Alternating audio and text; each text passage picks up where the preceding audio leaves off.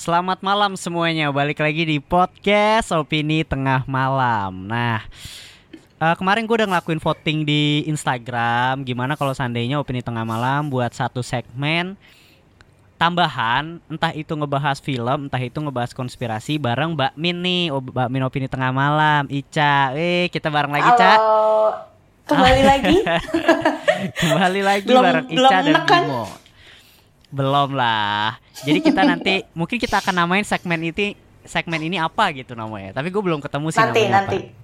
Sama sama. Oke, nah uh, hari ini kita akan ngebahas film yang cukup menimbulkan pro dan cons.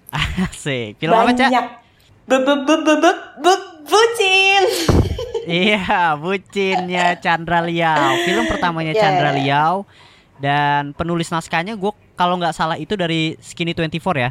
Iya, khususnya si Jovi. Iya benar kan? Iya. Oh Jovi, penulisnya Jovi. Uh, uh, okay. Intermezzo belum, aja. Jadi skripnya itu tuh dia udah enam kali revisi bin. Oke, udah enam kali revisi. Gue lihat di Instagramnya, iya sumbernya Instagramnya tapi mas, Jovial tapi, sendiri. Oke, enam kali revisi tapi masih kayak gitu ya? Gitu gimana, Bim? Kita bahas aja langsung nih ya. Pakai kacamata konspirasinya tetap open minded. Balik lagi di podcast Opini Tengah Malam.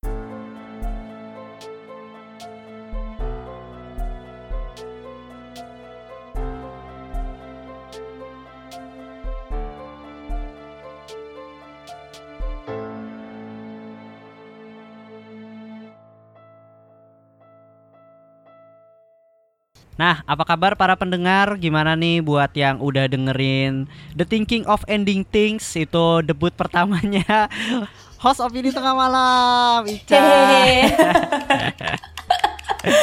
Biar ada warnanya lah. Jadi nggak laki semua gitu loh opini tengah malam. Ada Ica juga yang nemenin gua nih buat nge-review nge-review film. Karena banyak nih Cak yang request di DM opini tengah malam kayak bahas bahas review ini dong gitu di Twitter juga ada kan.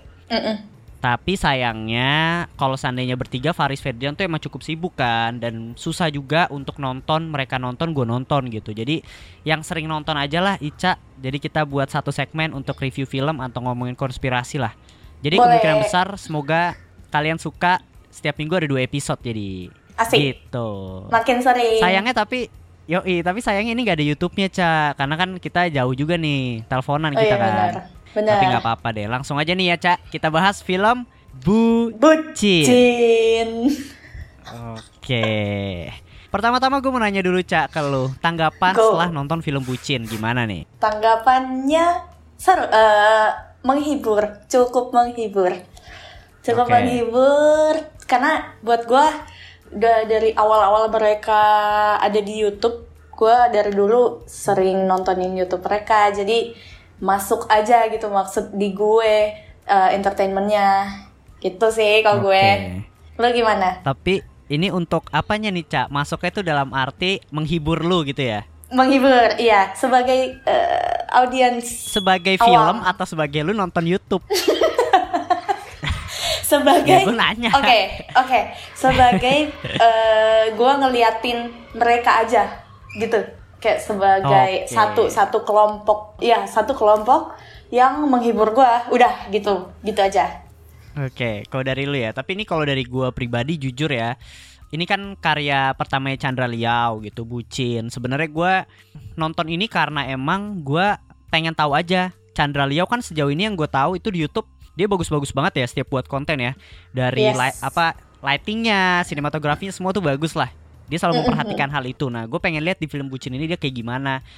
Dan ternyata uh, ya menurut gue pribadi ya uh, untuk teknisnya sih dia oke. Okay. Di sini kelihatan banget kalau dia tuh menunjukkan bahwa ini loh gue teknisnya bisa loh kayak gini dan gue akuin teknisnya bagus kok dari gue pribadi ya tanggapan gue ya transisi scene per scene-nya gitu terus kalau gue kemar tadi gue nonton reviewnya Cinecrip dan gue setuju juga sama dia dalam apa ya pengambilan gambarnya itu dia mirip kayak sutradara Edgar Wright itu yang buat Baby Driver. Itu kalau lu nonton oh, tuh. Oke. Okay. Lu nonton Baby Driver belum? Belum. Oh itu Baby modelnya kayak gitulah. Kalau dari gua pribadi menurut gua itu jadi film Chandra Leo pertama yang lebih kayak bukan idealis sih. Lebih kayak ya udah yuk ini buat film bareng teman-teman aja gitu loh Mm-mm, Kayak Enggak. gitu. Kalau dari gue wow, pribadi. nggak bikin ya benar sih. Nggak Iya. nggak nggak bikin orang yang eh, gampang diinget. Oh ini filmnya Chandra Leo nggak sampai kayak gitu. Jadi kayak oh filmnya youtuber gitu kayak gitu. Nah, iya iya. Iya iya, gue lebih setuju karena menurut gua pas gue nonton pun gue ngerasa oh ya udah. Oh ya udah kayak gua jujur ya kalau dari gue pribadi kayak gue nonton YouTube dia aja tapi versi panjang. Kalau Yes. gue pribadi gitu. Nah, kita bahas nih ya, kita bahas nih ya oke. reviewnya nih. Gue mau nanya pendapat lu dari sinematografinya gimana, Cak? Gue bukan kita nggak ngerti teknis ya sebenarnya, nggak ngerti banget teknis ya. Tapi ya kita bisa lihat lah dari dari nonton film itu kayak gimana. Ya ini kita dari kacamata penonton aja ya bukan maksudnya mau kritik ini gimana Yes, gimana. yes, benar. Ah, Opini kita. Eh, eh, opini. Jadi menurut gue sinematografinya bagus, oke, tapi nggak yang wah kok bisa gini, kok bisa gini gitu. Ini kayak Hmm. oh oke. Nah yang menurut gue yang minusnya di sinematografinya tuh bagian mereka main point ball. Itu kurang dapet Oke. eh, deg-deg. Padahal kan harusnya deg-degan ya atau ada ada adrenalin yang gimana karena kan eh, adventure gitu kan main paintball. Ini hmm, kok kayak kosong gitu aja perasaan gua ketika lihat scene itu. Hmm, Cuman yang gue suka, dari- eh, eh, Hmm. yang gue suka itu lighting sama tonnya. Gue suka. ya itu emang makanannya Chandra Liao banget sih kalau Yes. untuk pencahayaan ya. Mm, mm, mm, Itu gua akuin keren banget dia. Dia tuh kayak pengambilan warna-warnanya juga selalu match gitu loh dan enak lah kita nonton tuh dipandang mata tuh enak gitu. Enak. itu gua nggak nggak raguin lah untuk Chandra Liao gitu cuma ah, semua itu kalau menurut gue pribadi nggak bisa menolong naskahnya yang kurang banget gitu loh. Ini mungkin gue pengen bahas di lagi lebih ke sini ya sih naskahnya gitu ya. Kalau scoring musik dari gue pribadi ya nggak ada masalah sih. Malah ada yang muji kok scoring musiknya bagus banget.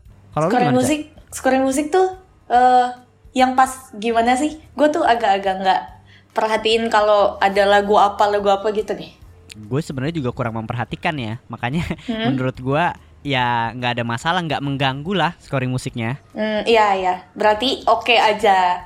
Oke aja gitu. Oke aja. Dan sebelum masuk naskah deh, pemilihan karakter cak, pemilihan castnya si Chandra Liao. oke. Ah gimana ya? Kalau buat film kalau misalnya nih gue gua gua angkat dari awal kalau misalnya gue sengaja ke bioskop buat nonton film bucin terus ngelihat castnya actingnya ah gitu. Terus gue bikin aduh nyesel gue ngeluarin duit segini. Terus eh, nyita waktu gue buat nonton eh, dengan buat nonton dengan cast yang seperti ini gitu. Oke, kalau dari Ah, ah. kalau sebenarnya kalau pandangan gue terhadap castnya gue nggak ada masalah. Mau yang Mm-mm. main si Jovi, mau yang main siapa pun itu Tommy, sahabat-sahabatnya mereka. Cuma yang menurut gue sayangkan adalah kenapa mereka berperan sebagai diri mereka sendiri sebenarnya Hmm. dari nama gitu loh. Jadi nggak jauh beda, bener-bener kayak gue nonton YouTube-nya mereka gitu. Mungkin Iya sih. aja, mungkin kalau seandainya apa ya, yang kita tahu tuh kalau si siapa namanya adanya Jovi, Andovi, Andovinya, Andovi. Andovi kan kita tahu emang rada bercandanya kayak gitu, selengannya kayak Iya, gitu. dan, Tapi dan coba nyebelin banget. karakternya, ya nah, diubah coba ya. karakternya di switch sama si Jovi, kayaknya lebih menarik gitu loh menurut menarik gua. iya dia benar, dia benar. yang lebih yang lebih santai yang lebih ini gitu loh. Maksud gua ya kayak gitulah. Jadi berperannya bukan sebagai diri mereka sendiri gitu. Walaupun sebenarnya berperan sebagai diri mereka sendiri itu nggak apa-apa. Nggak ada masalah. Cuma gua ngelihatnya jadi kayak nonton YouTube mereka aja. Kayak gitu. Dan sebenarnya dalam pemilihan cast ini juga yang menurut gua si Chandra Liao-nya ini di sini tuh ngapain sih gitu. ngapain? Bang mohon maaf. Kayak iya iya sutradara. Iya sutradara. Tapi mohon maaf nih. Agak kan? ganggu. Wah, iya menurut gue gitu. Kayak sebenarnya kalau dia sebagai cameo pun nggak ada masalah gitu. Dan gue baca twitternya siapa ya? Gue lupa. Pokoknya dia ngomong mungkin bisa dijadikan kiblat dari filmnya si Ernest. Ketika Ernest jadi sutradara Jadi dan dia sebagai sutradara. pemain gitu. Iya. Ya jadi dia ada sutradara dan main juga porsinya tuh segitu. Bagus gitu loh Ernest. Kalau nonton film Ernest selalu bagus walaupun dia yang megang sutradara tapi dia yang main juga gitu. Benar kata lo terlalu nyata. Eh, eh, maksudnya ya cuma mindahin mereka ke media yang lebih gede ke layar lebar. Kayak gitu. Gila, nih gue highlight ya kata-kata lu ya. Jadi kalau Merasa berdosa. Sebenarnya nggak apa-apa sih. Ini kan opini opini Iya. kita gitu setelah nonton gitu. Nih gue gue bilang kita dari tadi udah mengklaim kok kalau kita nggak paham teknisnya, cuma kita nonton film gitu kalau terhibur ya berarti bagus gitu kalau menurut kita nggak terhibur ya kita kasih tahu lah apa yang membuat kita nggak terhibur gitu lebih ke opini Yes. sih No hurt gitu. feelings. Ya. Yes Tapi gue gue gue suka kayak eh, si eh, siapa tuh? Nam- Vania. Jovi oh oh Itu- iya. Nah bagus bagus. Aktingnya cakep. Iyalah. Mbaknya juga Maksud gua, cakep. untuk cewek-ceweknya ya? Iya. Cecil Iya, yang jadi itu- Cecilia itu juga. Eh Cila Cila Hmm. kok Cecil? Iya maksud gua malah cast-cast pendukungnya yang oke menurut gua dibanding main cast-nya gitu. Betul. Dan untuk jokes-nya nih, Cak, kan ini film komedi dong. Pasti kita harus menilai lucu apa enggak gitu. oke Gimana menurut lo? menurut gue gue kan gue sebelumnya tuh udah lihat review lu ya Bim jadi kayak Hmm. gue udah wanti-wanti nih Eh, terus gue gue mau nahan ketawa kan tapi sebenarnya lucu Hmm. lucu aja menurut gue Eh, Karena- apa-apa. gue tahu eh, ya kayak state, statement gue di awal ya yang gue tahu mereka dari awal mereka tinggal di Gading Serpong terus ada jokes jokes Gading Serpong mati lampu eh, gitu gitu itu lucu aja menurut gue Oke. Gitu. Berarti emang karena lu mengikuti mereka dan lu ngerasa ah, ya lucu gitu. Nah, tapi untuk gua yang kurang mengikuti mereka, gua ngerasa kurang kena sih. Tapi ini kalau komedi dari selera gue pribadi sih mungkin kurang kena aja. Kecuali Ya. di Uus ya. Part partnya Uus tuh menurut gua lucu banget. Iya, iya. Itu lu gue lucu menurut gua. Tapi sisanya ya udah gitu. Ya bener lah kalau kalian nonton reviewnya Cinecrip juga di mereka kayak ketawa yang kayak bukan yang sampai nepok paha gitu. Ketawa punten. Ketawa punten Ketawa- gitu. ketawa respect, Eh, ketawa misi- corporate lah. Iya. Gitu. Lanjut lagi nih masuk ke naskahnya Ca. Kata lu kan ini udah enam kali ya, berarti udah direvisi enam kali. Draft ke-6 mungkin, udah jadi final draft nih. Tapi kalau menurut gue pribadi masih cukup berantakan, bukan berantakan sih, kurang fokus. Sebenarnya film ini mau ke mana sih? Bucin yang diceritain. Oke, dia mengikuti kelas bucin dan berharap dia nggak jadi bucin gitu. Tapi kelas bucinnya ini menurut gua nggak berpengaruh apa-apa ke mereka. Kan Oke. sebenarnya ini komedi ya ini komedi dalam gue berharap tuh kayak film exam gitu yang yang setiap dia di kelas juga ada tantangannya ada ininya itu liar banget gitu loh kayak mungkin bisa gue kasih contoh gini cak kan ada kayak misalnya eh, tingkat eh keberani eh kejujuran adalah kunci ya Iya, kun, iya. Ah, ah, kejujuran adalah kunci. nah Kesabaran gua adalah kunci. itu tuh bisa dibuat liar banget gitu loh nggak cuma se se semudah itu gitu cuma kayaknya kalau misalnya gue di kelas itu ketika gue suruh jujur sama cewek gue ya gue jujur aja gitu loh gitu loh kalau gue misalnya. Tapi kenapa nggak dibuat seliar mungkin aja? Am- entah, entah. Kan ini komedi jadi apa pun yang masuk elemen-elemennya orang pasti bakal terima karena ini komedi. Mungkin cari cari aman, Bim. gitu ca. Kalau dari gue sih gitu karena ca bucin dari judulnya aja pasti akan relatable dengan banyak orang.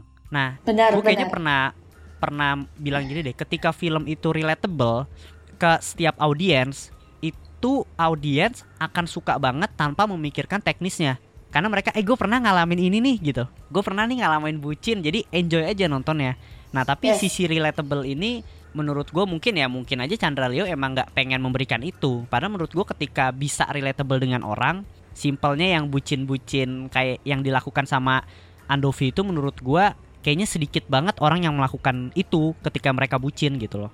Iya, iya. Kalau menurut iya. gue gitu. Jadi kurang Iya. bisa relatable dengan audiensnya padahal dari judulnya dari premisnya itu bisa banget mencakup banyak audiens secara general gitu.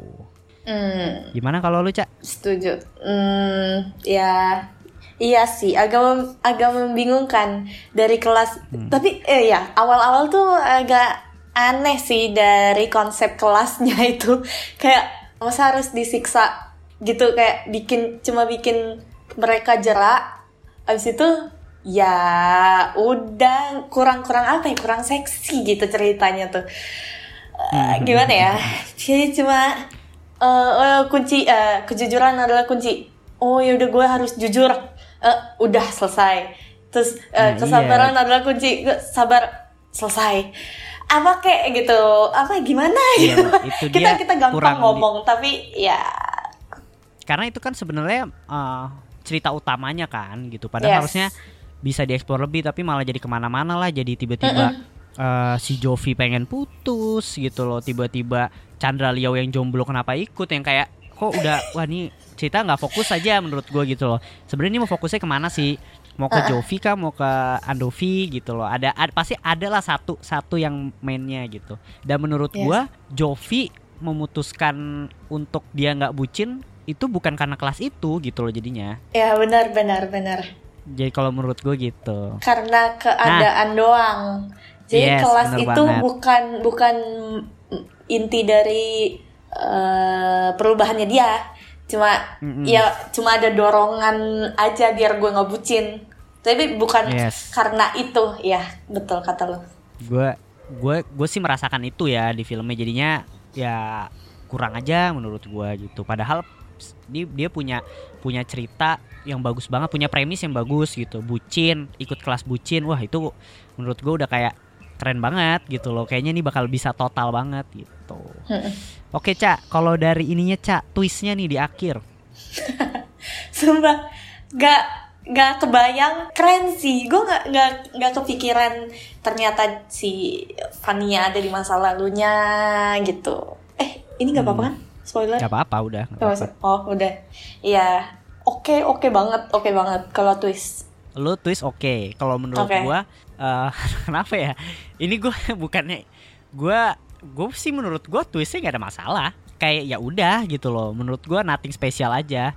Oke. Walaupun sebenarnya kita udah dikasih tahu apa ya clue-clue tipis di mana Chandra Leo ngomong masa lu gak inget sih yang di Holy Wing itu lu gini gimana gimana gitu. Itu kan clue pertama sebenarnya Terus clue kedua ketemu ceweknya di Holy Wing gitu. Dan karena gua ngerasa oh ya udah gitu loh dan twist di endingnya itu gue udah cukup nebak ketika nih pasti ceweknya punya motif sesuatu terhadap Jovi nih gitu. Nah, gua ngerasa ya udah pasti akan ada satu twist aja gitu dan twistnya menurut gua ya udahlah nggak ada yang spesial gitu. Tadi udah semua nih kita udah bahas semuanya. Mungkin menurut lu nih skornya berapa sih untuk film bucin ini?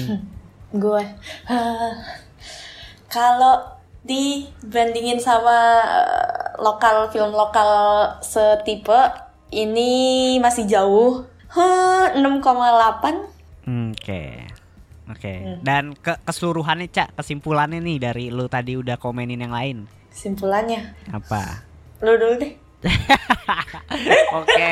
Kalau dari gua 6, 6, 6,10 gitu. Dan mungkin gua recap 6,10? aja dari gua eh, 6 per 10. 6 per 10 6 per 10 gitu oke Kalau kesi- keseluruhannya menurut gua sih film bucin ini untuk debutnya Chandra Liao ya masih kelihatan film yang cukup idealis gitu, film yang ya udah ini film pertemanan gue gitu. Kayak kayak masih masih film yang gue yakin Chandra Leo punya apa ya? Punya yang lebih dari ini gitu loh. Karena dari kemampuan dia berfilm dari secara teknisnya itu gue akuin hebat, keren banget lah gitu loh. Jadi untuk film bucin ini ya ya masih berharap di film keduanya akan bisa lebih bagus sih. Karena di Iya. sini kan yang concern gue lebih ke penulisan naskah gitu. Mungkin aja nanti ketika dia megang satu cerita yang emang udah solid banget, dia bisa nge-explore itu lebih lebih lagi gitu. Masih Mm. film YouTube premium. Bahkan gue nggak pernah nonton. Hulu kali hulu. Eh enggak. Hulu eh parah masih kebagusan ya. Gue highlight. eh enggak enggak. Anjir enggak enggak. Eh kan gue bilang hulu masih kebagusan. Enggak. Oh iya. Eh, Hulu masih kebagusan untuk film bucin. Dia masuk ke Netflix loh. emang iya ya? Ya udah, Ca. Gimana? Lo simpulan Iya, kalau buat gue eh eh, first debut Chandra Liao yang oke aja, B. Jadi kasarnya tuh B aja, nggak yang spesial kayak Ernest ya benar. Pertama kali gue nonton Ernest, aduh ini jadi eh, ada ciri khasnya sendiri gitu. Yes. Kalau di sini mungkin dia masih bimbang eh, nyari, nyari ciri lah. khasnya dia apa ya masih nyari-nyari gitu. Dan gue eh, salut sama dedikasinya dia ke ke Marvel. Jadi ada jokes kan Oh, oke. yang dia Ah, masukin itu lucu, itu ya, lucu, itu lucu. Ya itu itu lucu walaupun emang gayanya Chandra tuh kan cringe gimana gitu kan jadi kayak Mhm. tapi lucu aja gitu ya tapi tetap apresiasi Oke, kayak gitu ya. Gue juga Gitu. tetap mengapresiasi dan wajib sih untuk kalian tonton lah film bucin untuk mengisi waktu luang gitu. Gue nggak boleh bilang boleh ketika gue nontonnya gue kurang suka terus gue jangan nonton gitu enggak lah. Itu kan cuma opini gue gitu dan gue nonton sampai habis gitu. Oke, segitu aja Ica. Review Oke. bucin hari ini. sip Mungkin kita akan review film-film selanjutnya di podcast Opini Tengah Malam. Thank you banget Ica udah Boleh. mau Sama-sama. review bareng Opini Tengah Malam. Gitu. Semakin lama semakin oke nih Ica. weh apa tuh Jangan Aduh. difilter lah lain kali kalau mau review enak. gak apa-apa. Gak, gue bingung aja, Dim. Gimana ya? Gue tuh kadang, ya gitu yang gue bilang di WhatsApp sama lu. Hmm. Kalau jeleknya nanggung, gue bingung cari jeleknya nanggung tuh apa ya, Bim? Udah lah, dibanding lu kepleset Ca. Kita diskusi off Iya aja lah. Iya, ya. Oke, untuk para pendengar gimana review film bucin? Komen-komen ya di posan opini tengah malam di Twitter atau di Instagram. Sampai ketemu di episode berikutnya. Bye. Dah.